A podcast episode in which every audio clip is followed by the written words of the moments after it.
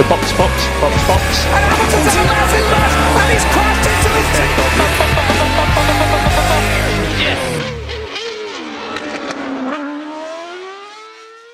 Herkese merhaba. Podstop Podcast'in 5. bölümüyle karşınızdayız. Bugün Deniz bizimle birlikte. Deniz selam. Selam. Bugün son günlerde yaşanan, Formula 1'de yaşanan gelişmeleri birazcık konuşalım istedik.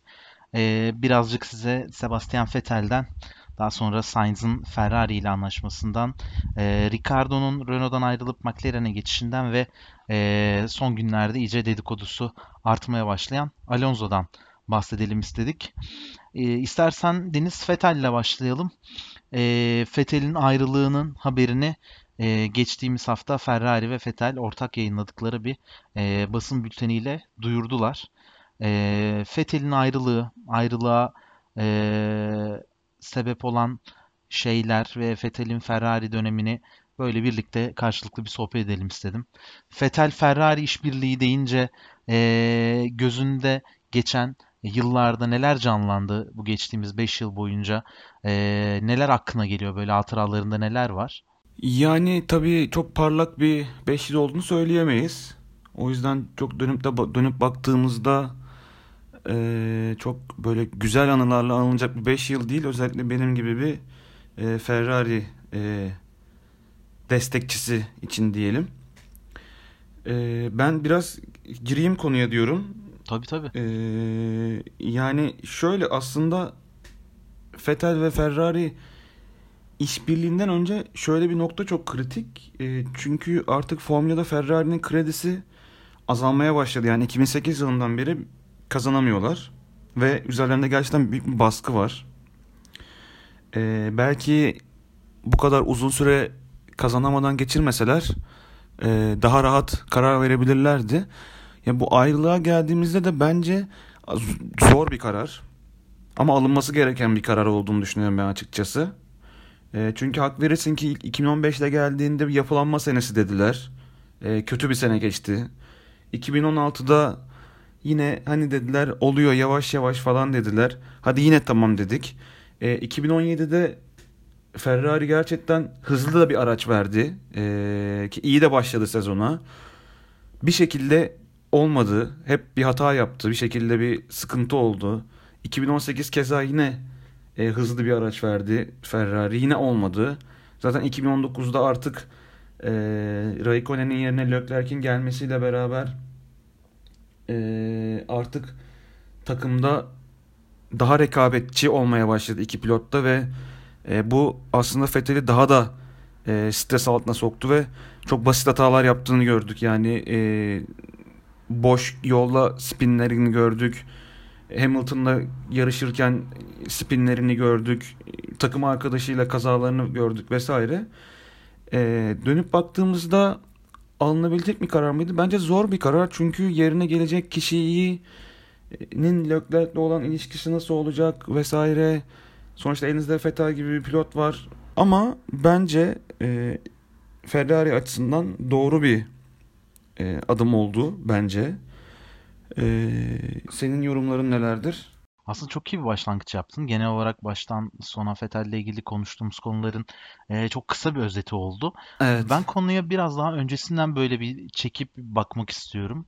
Yani Formula 1 tarihinin en ikonik takımından e, belki de tüm zamanların en e, popüler sürücülerinden birisinin e, yollarını ayırması haberi e, çok olağan ve normal bir şekilde motorsporları dünyasında büyük bir yankı buldu. E, Vettel 32 yaşında şu an e, ve takıma 2015'te katılmıştı. E, ben Vettel'i tanıdığım zamandan beri, izlediğim zamanlardan beri hep e, işte Red Bull'la başladı o, daha doğrusu Toro Rosso ile başladı. Daha sonra Red Bull'la devam ettiği o serüvende e, hep daha duygusal yönü ağır basan bir pilot olarak gözlemledim. Hep böyle gördüm. Ve bu anlamda Vettel'in Ferrari'ye geçiş hikayesi, başlangıç hikayesi de e, bu duygusallığı birazcık barındıran adımlarda başladı. Nedir bu? E, kendisini her zaman idolü olarak gördüğü ve bu şekilde nitelendirdiği Michael Schumacher'in e, adımlarını takip etmek istedi. E, Schumacher'de Ferrari'ye katılmadan önce Benetton'da iki şampiyonluk kazanmış ve o zamanlarda yine Ferrari'nin katıldığı dönemdeki gibi Ferrari çok büyük düşüşte olan bir takımdı ve e, uzun süre birlikte çalışarak Ferrari'yi bir düzlüğe çıkartıp daha sonrasında da işte hepimizin bildiği o e, inanılmaz dominant serüvene doğru bir e, yolculuğa başladığı e, bir kariyer oldu Schumacher için. Vettel de dolayısıyla bunu da düşünerek e, ilk geldiğinde e, takımı tekrardan en yukarıya taşıyabilmek adına e, oldukça motiveyim. Ve hani bu takıma e, hem kalbimi hem ruhumu katacağım bu serüvende başarılı olması için e, dedi. E, ve hikaye aslında böyle başladı. Senin de söylediğin gibi 2015-2016 yılları Ferrari için bir yeniden yapılanma dönemiydi. O dönemlerde kolay kolay herkes e, bir başarı olacağını, e, çabuk bir şampiyonluk geleceğini beklemiyordu bence. E, mantıklı olmak gerekirse. Fakat o yeniden yapılanma döneminde birkaç adet aslında umut vadeden gösterge vardı. İşte Ferrari'nin ilk kazandığı yarış e, Vettel'le birlikte Malezya Grand Prix'sinde oldukça iyi bir başlangıç yapmışlar ve harika bir pit stop, pit stop stratejisiyle yarışı önde bitirmişlerdi. E, bu da birazcık şeyi kanıtlamıştı. Vettel en ön sırada olduğu zaman, birinci sırada olduğu zaman orayı korumasını ne kadar iyi bildiğini ve e, bunu yarışın sonuna nasıl taşıdığını Ferrari aracı üzerinde de kanıtlamıştı. E, bu anlamda ilerleyen yıllar için umut vadeden şeyler oldu. E, ilk defa 2015-2016 yılı bu şekilde geçtikten sonra 2017'de e, takım sezon başlangıcında gerçekten e, rekabetçi bir araç yaratmıştı. E, ve Fetel sezonun yarısına kadar önde gidiyordu. Her ne kadar e, bazı böyle tekerler tekel, tekerlik tekerliğe Hamilton'la mücadelesi olsa dahi e, gerçekten iyi anlamda ilerliyordu. Fakat yaz arasından sonra e, takımın aldığı e, yanlış kararlar, e, aracın dayanıklılıkta yaşadığı sorunlar derken e, sonrasında geriye düştü ve ikinci olarak bitirdi.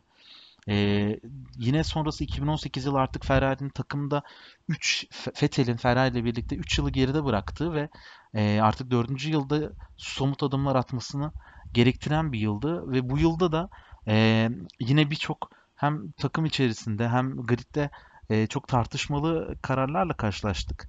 E, işte bunlardan bir tanesi e, hatırlarsın e, Azerbaycan'da güvenlik aracı piste girdiğinde e, bir viraj sonrası Hamilton'ın aşırı yavaşlamasından dolayı e, arkadan Hamilton'a çarpmıştı ve daha sonra bu sinirini kontrol edemeyip e, Hamilton'ın yanına geçip tekerlek tekerleğe bir çarpışma yaşamışlardı. Bu, bu büyük anlamda bir hem tehlikeli hem böyle kimilerince oldukça bel altı konuşulduğu şekilde böyle iğrenç bir tepki olarak o zaman konuşulmuştu.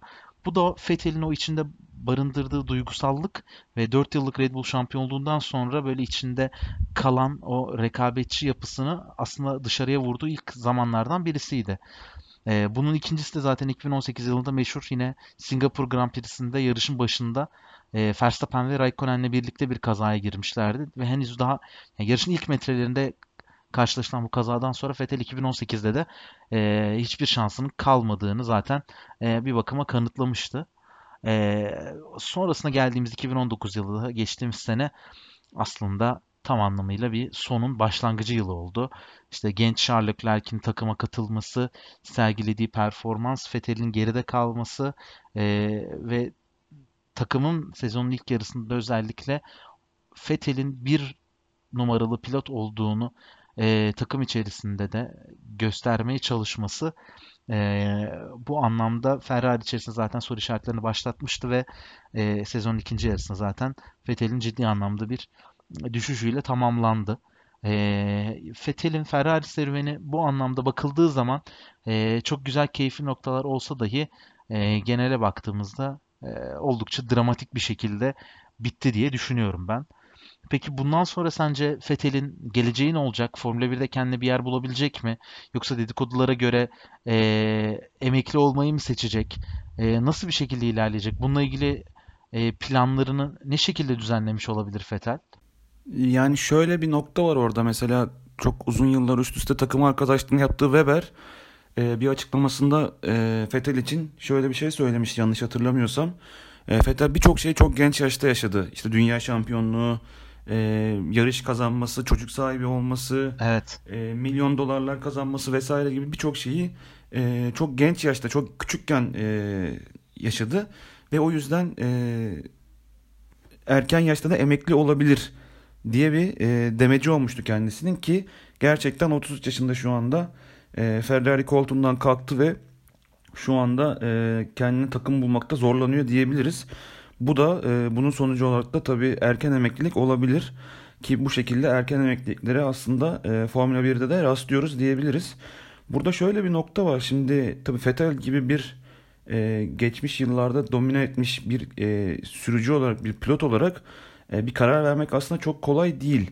Yani e, mesela kariyer anlamında belki Raikkonen'den e, daha iyi diyebiliriz e, kendisi için. E, şimdi kalkıp da e, bir Williams'a ya da bir Haas'a gitmeyi e, muhtemelen düşünmüyordur. Evet. E, gitmek istediği kol yani şu an hiç düşünmeden oturabileceği koltuk e, Mercedes olabilir Alman olmasından dolayı belki de ama tabii Mercedes cephesinden e, çok sıcak yorumlar alamıyoruz tabii burada kapalı kapılar arkasında ne konuşulduğunu tabii ki de bilemiyoruz ama onun haricinde zaten e, McLaren'in e, koltukları doldu yani Renault'da e, çok bilmiyorum e, sıcak bakar mı e, Birçok takım artık yavaş yavaş açıklamalar yapmaya başladı. Vettel'i düşünmüyoruz vesaire diye. Ki e, zaten Vettel'de çok rekabetçi olmayan bir aracın olduğu bir takıma gitmeyi e, istemeyebilir. Az önce bahsettiğimiz kariyerdeki kariyerindeki başarılardan dolayı. Yani burada e, Alonso gibi dönüp de e, Ferrari'deki başaramadıkları şeyleri düşünüp e, emeklilik sırasında e, bir e, buhran yaşayabilir e, bilmiyorum başka bir takıma gidebilir mi şu an tabii onun da kafasından ne geçtiğini bilemiyoruz ama son güncel yaptığı bir açıklamada da özellikle bu e, Ferrari ile ayrılığından sonra bu gün son dönemdeki gündemdeki pandemiden dolayı e, aslında biraz da oturup hayatın ne kadar hani gerçekçi olduğunu sorgulamamız lazım. Hayata dönmemiz lazım vesaire gibi demeçliyle de aslında ayrılık yani bir emeklilik sinyalini de vermiş e, gibi oldu açıkçası. Yani e, ben şahsen çok rekabetçi olmayacağı bir araçla o bu hırçın duygusundan dolayı e, gridde olacağını düşünmüyorum. E, onun haricinde de Mercedes'te de e, çok kolay bir şekilde kendine bir yer bulamayacağı için e, ben bir erken emeklilik emeklilik kararı olmasa bile en azından birkaç sene 2020 senesinden sonra en azından 2001, 2021 yılını e, ben şahsen boş geçireceğini düşünüyorum. Aslında çok doğru söyledin. Takımlardan arka arkaya bilgiler geliyor. Her ne kadar eee, Mercedes cephesinden alınan duyumlara göre Vettel'le ilk defa geçtiğimiz yılın kış aylarında eee, görüşüldüğü eee, bilgisi olmasına rağmen birçok takım eee, önceliklerin arasında Vettel olmadığını açıkladı. Bunlardan en sonuncusu Racing Point'ti. Eee, takım patronu vermiş olduğu bilgilerle Vettel'le aramız çok iyi. Onu arkadaş olarak çok seviyorum. Fakat 2021 yılında eee, mevcut sürücü kadromuzla ilerleyeceğiz. Onlarla birlikte olacağız dedi. Senin de söylediğin gibi McLaren, Red Bull eee, gibi takımlar zaten eee, kendi pilot kombinasyonlarını tamamladılar. Eee Alfa Tauri eee, burada farklı bir seçenek olabilir ama onların da eee, kendi düşünceleri yine e, uzun süre birlikte çalıştığı eee, sürücülerle devam edip ellerinden gelenin maksimumunu eee grid'e yansıtmak olacaktır. Bu anlamda eee, Ya zaten çok özür dilerim lafını bölüyorum. Orada Alfa Tauri tarafı çok büyük bir e, soru işareti olur Vettel için. Zaten yıllarca Red Bull'da yarış kazandıktan sonra özellikle Max Verstappen Red Bull'dayken kalkıp da Alfa Tauri'ye gitmesi zaten e, çok evet, kendine de e, bu kariyerle yedirebilecek yedire, yedirmek kelimesini kullanıyoruz burada ama evet. çok yedirebileceği bir şey olduğunu ben düşünmüyorum zaten. Ya çok doğru söylüyorsun. Tam onu söyleyecektim zaten. Vettel eee CV'sinde bulunan 4 şampiyonluk ve yani 5 yıl önümüzdeki yılla birlikte 6 yıl Ferrari serüveninden sonra eee, kazanmak isteyeceği bir takımda olacaktır. Eee, aksi takdirde yapması gereken tek şey sıfırdan başlaması gerekir. Fakat 32 yaşında işte önümüzdeki sene 33 yaşında olacak bir pilotun sıfırdan başlayarak eee, en iyi yapılanma yapan takıma bile katılmış olsa eee, çünkü ilk üçte kendine yer bulamadı. En iyi yapılanma yapan takıma bile bir katılmış olsa 3 yıl içerisinde bir şampiyonluk kazanması çok kolay bir ihtimal olarak görünmüyor ki bu da zaten 36-37 yaşına eee, geldiği anlamına gelecek. Dolayısıyla onun için kariyer biraz farklı olacak. Burada en en iyi ihtimal eee, herkesin de konuştuğu gibi Mercedes ihtimali olabilir ama Mercedes'in de özellikle eee Nico Rosberg sonrası dönemde Bottas'tan aldığı verim, eee, onun rolünü eee, iyi anlatmak ve Bottas'tan rolünü iyi anlayıp aldığı sonuçları maksimum seviyeye çıkartabilmesi düşünüldüğü zaman Vettel'den böyle bir şey beklemek çok zor olacaktır. Bence Vettel'in Mercedes'e gitmesi için e, en önemli ihtimal e, yani maaş almadan orada sürebilme ihtimali olabilir. Aksi takdirde kolay kolay hiçbir tercihi Mercedes'e yaklaştırmayacağını düşünüyorum ve Vettel'in e, maalesef 2020 yılı sonunda e, kendine bir koltuk bulamayacağını ya da bulsa da kendi isteyeceği bir koltuk olmayacağını düşünüyorum ve e, gerçekten de üzücü bir haber olarak görüyorum.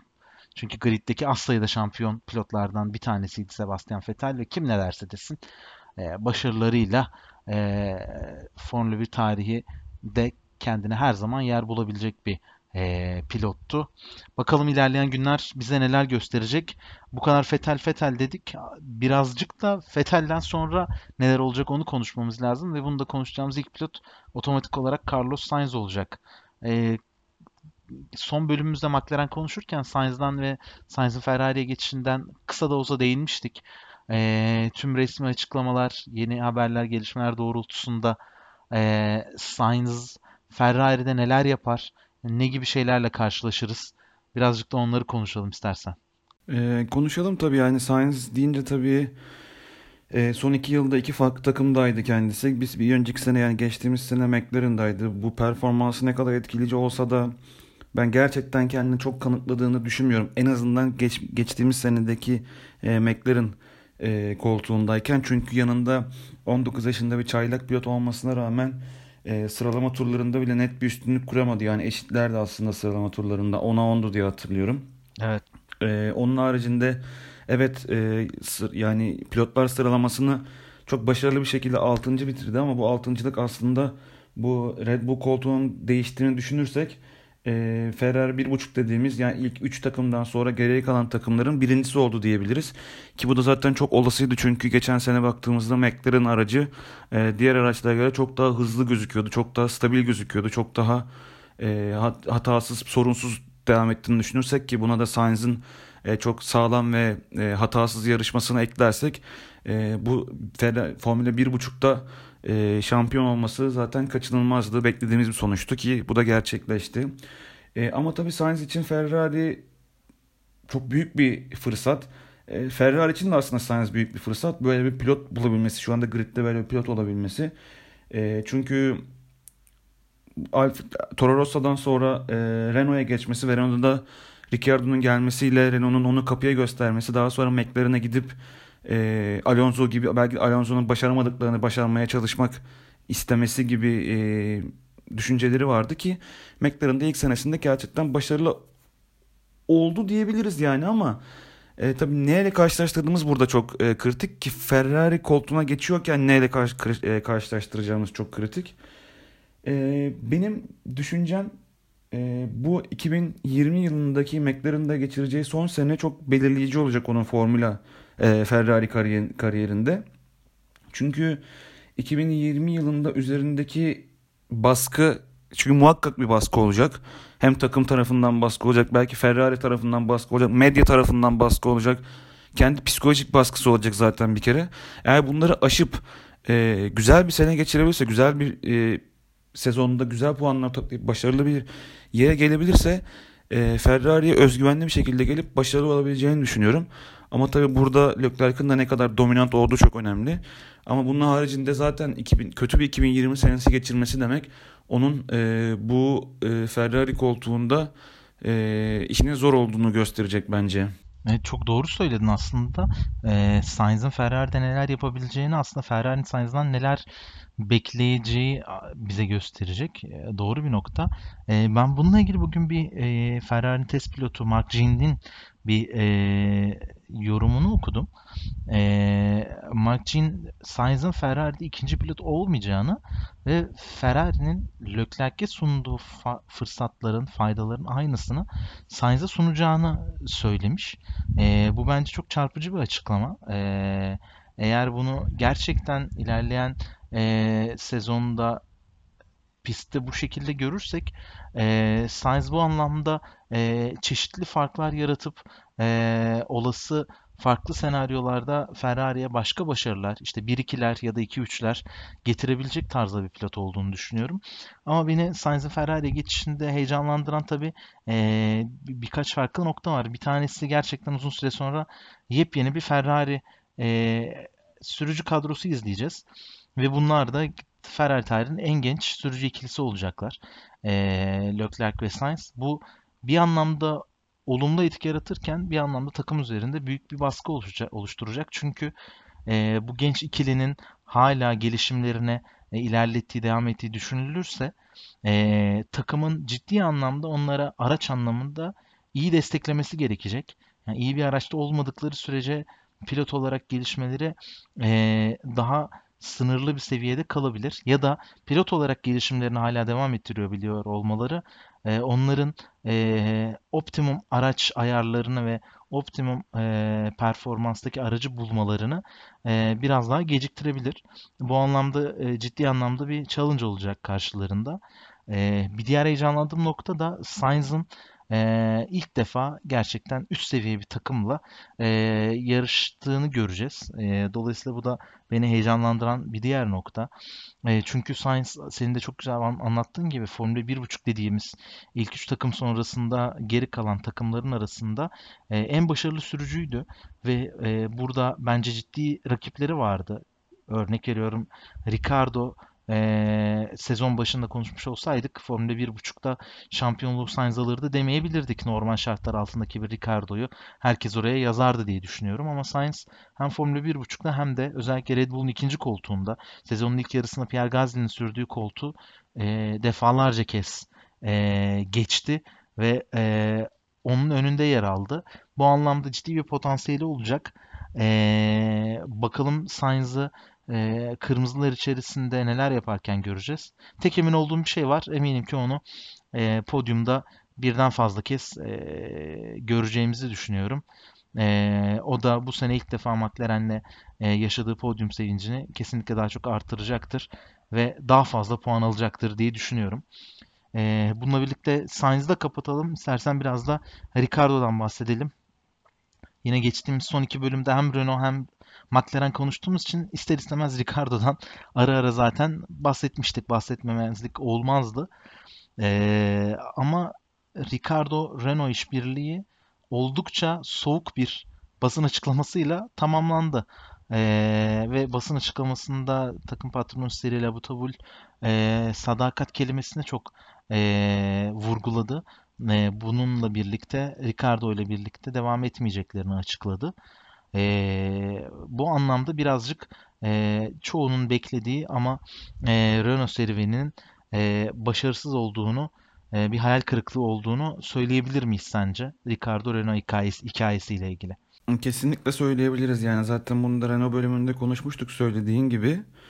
E, o 5 yıllık e, Red Bull serüveninden sonra artık ben taze bir başlangıç yapmak istiyorum deyip fresh bir start yapmak istiyorum deyip Renault'a 2 yıllık sözleşme imzaladıktan sonra e, kariyerimde verdiğim en zor karar dedi aslında ama e, yeni bir başlangıç ve yeni bir e, meydan okuma istiyorum aslında Renault'da demişti. Hem kendi içinde hem diğer takımlarla beraber. Ama tabii beklenen olmadı. Bunun tabii ne kadarı Ricciardo'dan dolayı ne kadarı Renault'dan dolayı bu tartışılır.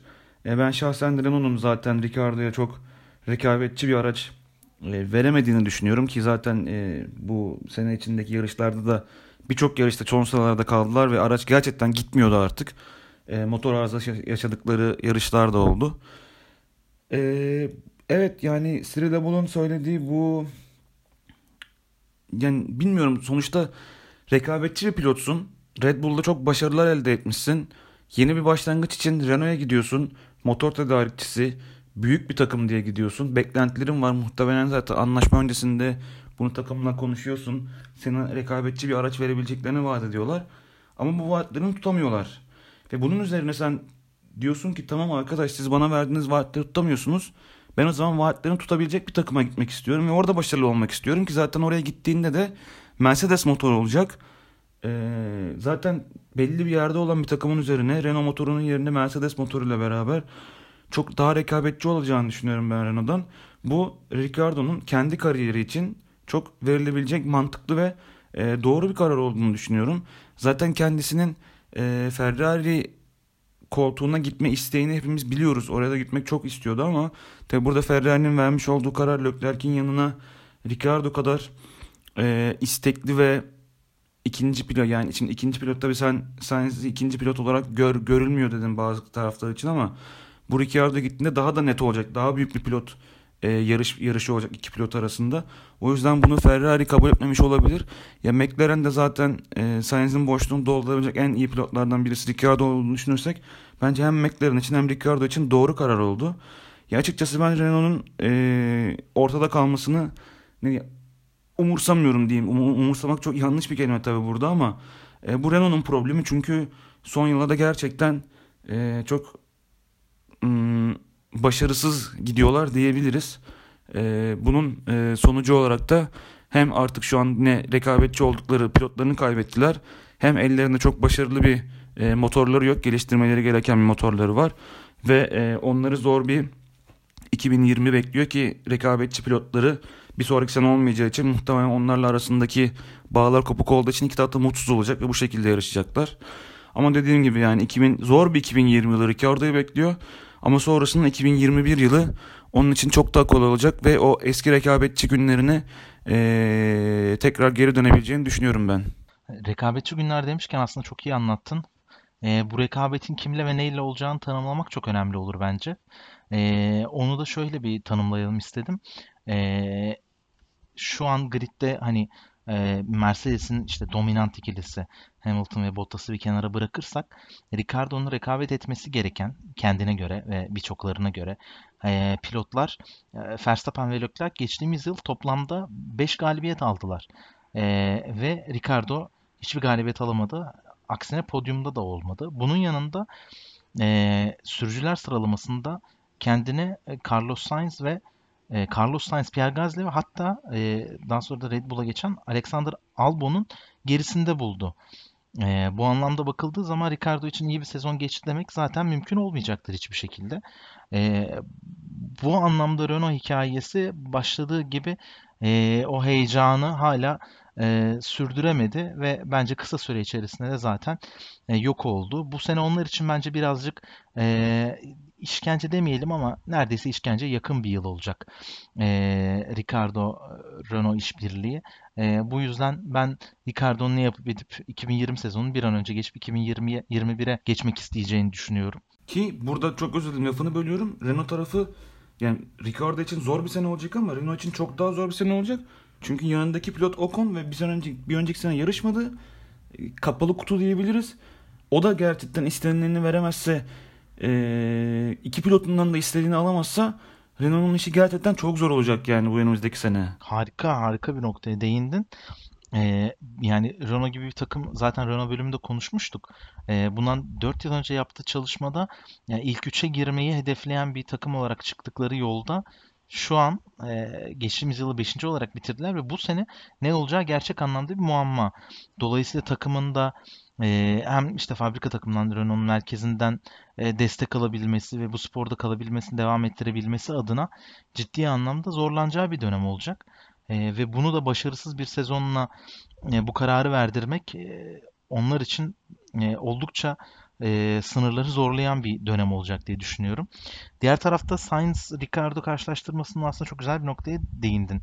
Yani Sainz'ın Ferrari'den bir e, kontrat alması, orayla anlaşması Sainz'ı Ricardo'dan daha iyi bir pilot yapar mı? Kesinlikle. Sorusunun cevabı bence Değil. belli değil ve hayır aslına bakarsan. Aynen. Oradaki tek önemli kısım e, Sainz'ın e, Charles Leclerc'in yanına daha iyi bir e, takım arkadaşı olabileceğini düşündükleri için bence e, Sainz'ı Ricardo'ya tercih ettiler. Hem o var hem e, yine lafını bölüyorum ama hem maliyeti daha uygundur muhtemelen Ricardo'ya göre. Kesinlikle. Hem de İtalyancayı daha iyi konuştuğu için medyatik anlamda da çok daha iyi olacak ki Ferrari bu tarz konulara çok önem veren bir takım olduğunu düşünürsek bu üç noktada da hem Leclerc'le anlaşması hem daha ucuz olması hem İtalyanca bir magnetik olması Tabii. Ricardo'ya göre çok daha avantaj sağlıyor yani. O anlamda bunun olduğu kesin çünkü Alonso'nun Ferrari serüveninden hatırlıyoruz. Bildiğin Yani böyle şakır şakır İtalyanca konuşuyordu zaten tüm takımla herkesle ve dolayısıyla Ferrari'nin de pazarlama değeri düşünüldüğü zaman İtalyanca bir bilen bir pilotla devam etme istemesi e, en önemli karar değildir ama mutlaka etkileyen faktörlerden birisidir diye düşünüyorum. Bir diğer tarafta incelenmesi gereken konu da Ricardo da artık 30 yaşında. Her ne kadar e, Formula 1'de bir e, yaş limiti olmasa dahi yarışan pilotlar için e, ki yani şu an Lewis Hamilton'ın 35 yaşında olduğunu düşünelim. E, Ricardo için de e, yaş ilerliyor ve e, zamanda azalıyor. Dolayısıyla o hep hayal ettiği, e, işte uğruna Red Bull'dan, Toro Rosso'dan, diğer yerlerden ayrıldığı e, ve Ferrari tercihinde de Ferrari konuşulmaya başladığında da e, sadece Formula 1'de amacının sadece Formula 1'de yarışmak değil, şampiyon olmak olduğunu söyleyen bir pilot için e, zamanın bu kadar azalması onun da bu son şansını McLaren'de kullanacağı e, hissiyatını veriyor bana. E, bu anlamda onun da e, belki pist üzerinde kanıtlaması gereken şeyler gün geçtikçe daha da azalıyor. Fakat tekrardan e, rekabetçi ya da rekabetçi olma adayı olan bir takımda göstereceği performans çok önemli. Bence Ricardo için başarının seviyesi şöyle e, tanımlanacaktır. E, öncelikle takımın Mercedes motoruyla birlikte o uyumu tekrardan yakalayabilmesi lazım. Ama bunun sonucunda Sainz'ın McLaren'de yaptığı gibi Formula 1.5'ta kesinlikle şampiyon olması ve hatta e, belki Red Bull'dan, belki Ferrari'den, belki yeri gelir hani bir şansla ya da farklı bir durumla e, Valtteri Bottas'tan, Mercedes'ten bile hızlı olabileceği yarışları ve dönemleri göstermesi gerekiyor. Aksi takdirdeki süreçler e, birçok otorite tarafından Ricardo McLaren işbirliğinin başarısız olarak görünmesine sebep olabilir diye düşünüyorum. E, bununla birlikte de zaten e, Ricardo'yu McLaren'e yerleştirdik. Sainz'ı Ferrari'ye koyduk. Ama çok konuştuğumuz Renault'da e, bir koltuk hala boş. Esteban Ocon 2021'den sonra devam edecek. Fakat yanında kim olacak belirsiz. E, ve geçtiğimiz haftaki hikayeler doğrultusunda da tekrardan bir Alonso Renault e, flörtü e, ortaya çıktı mı diyelim ya da konuşulmaya başlandı mı diyelim. Ee, ne diyelim sen anlat istersen. Alonso neden tekrar Renault ile birlikte konuşulmaya başlandı? Ya bu tabii zaten pilotların değişiklikleri belli olmadan önce yani Ferrari ve Vettel'in ayrılığından önce bile Alonso zaten kafaları karıştırmaya başlamıştı. Ya dönsem mi döneceğim başarılı olacağım daha başarmak istediğim şeyler var gibi açıklamaları vardı zaten. Anket de yapmıştı Twitter hesabında önümüzdeki yıllarda nerede yarışayım diye. Evet. Ve ciddi anlamda Formula 1 orada en ön sırada yer almıştı. Evet, evet. Özellikle Renault'da kazandı, iki sene üst üste kazandığı şampiyonluklar sonra Ferrari'ye geldikten sonra tabii Ferrari'de bir e, birinciliği olamadı ama e, yine de ikincilikleri e, olduğunu söyleyebiliriz. E, başarılı bir dönem geçirmişti. Gerçi sonrasında e, Ferrari'den artık iki cepheden de e, gına geldikten sonra kaçarak uzaklaştı ve McLaren'e geldi. McLaren'de hiç istediğini bulamadı aslında.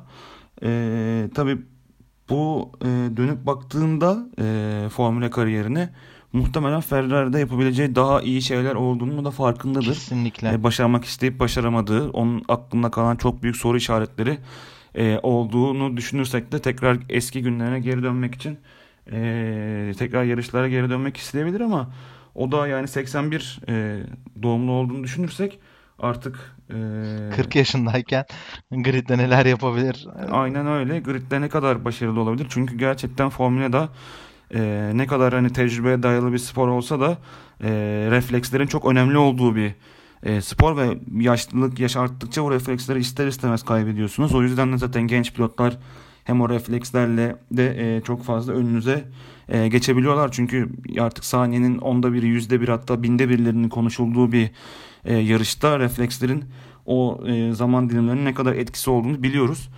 E, bu sebepten dolayı yani çok istekli kendisi dönmek için. Yani sevenleri, fanları da çok istekli. Ama dediğimiz gibi yani bu yaştan sonra özellikle bir de Renault koltuğuna dönmesi demek iki taraf için de facia olabilir. İki taraf için de çok güzel olabilir aslında. İki taraf yani e, ikisi iki ucu da açık aslında. Çünkü e, eğer yanlış bir karar olursa ve başarısız olursa bu hem kendi kariyerini daha da zedelemiş anlamına gelecek. Bundan iki sene sonra, üç sene sonra konuştuğumuz zaman ya Alonso da keşke dönmeseydi. Dedirtebilir değil mi? McLaren'da bitirdiği gibi bilseydik dedirtebilir. E, Renault tarafında da ya ne kadar saçma sapan işler yaptılar. Sainz'da Hülkenberg varken gittiler. Sainz'da kapıyı gösterdiler. Ricardo geldi. Bir sene sonra ben gideceğim dedi. İğrenç bir 2020 geçti. Sonra Alonso'yu getirdiler 2021'de. İşte rezalet nereye gidiyor? İşte Formula'dan ayrılacaklar mı falan gibi bir yere gidebilir. Aksi şey, aksi tak yani bir öbür türlü de atıyorum eğer başarı yakalayabilirse ki ben sanmıyorum e, bu sefer işte gördünüz mü ben çok iyi pilotum aslında işte şöyledir böyledir konuşmaları dönebilir. E, ama bence e, dönmese daha iyi olur diye düşünüyorum. Çünkü e, biz onu işte atıyorum Renault'daki e, şampiyonluklarıyla o 2007 yılındaki McLaren Mercedes'teki e, çalkantılı senesiyle sonra tekrar bir Renault, Ferrari ve McLaren'da hatırlasak bence bize yetecek. Ama çok tez canlı ve çok sıcak kanlı, çok böyle heyecanlı bir e, pilot olmasından dolayı da şu anda kafa karıştırmıyor değil. E, tabii bu Renault tarafının ne düşündüğü ve ne beklediğiyle alakalı. Gerçekten ellerinde daha rekabetçi bir pilot yoksa bu onların çok büyük bir e, ayıbıdır diyelim artık yani koskoca Renault takımının.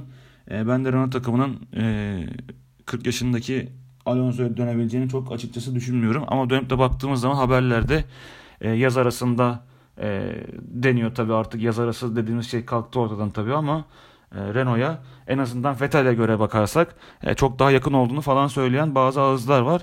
E, bilemiyorum açıkçası. Merakla bekliyorum ben de bu konunun ne olacağını. Ben Alonso denince konuya biraz daha farklı bakıyorum ister istemez. Ee, benim şahsi olarak çok beğendiğim, takip ettiğim, e, büyük hayranlık duyduğum pilotlardan bir tanesi. E, fakat Alonso gerçekten e, birçok böyle standart hani klişe istatistiklerle, ne bileyim yaşla, rakamlarla ya da e, pist üstündeki e, yorumlarıyla, hareketleriyle ölçülebilmenin çok daha ötesinde değerlendirilmesi gereken bir pilot. E, çünkü Alonso ile birlikte çalışan takımlar da e, her zaman şunu bilerek buna karar verdiler. Vermedilerse öyle olması gerektiğini zaten daha sonrasında tecrübe ettiler. Alonso hem araçtan hem de takımdan maksimumu isteyen ve bu konuda ciddi anlamda e, kazanan karakteriyle birlikte bunu çok zorlayan bir pilot. Yani bunu örneklendirmeyi çok düşündüm. Ne nasıl söylesem bilemedim. Belki hani Alonso'nun büyüklüğüyle ya da başarmışlıklarıyla çok uyumlu bir figür olmayacak ama Alonso gerçekten avuç içinde duran bir kuş gibi.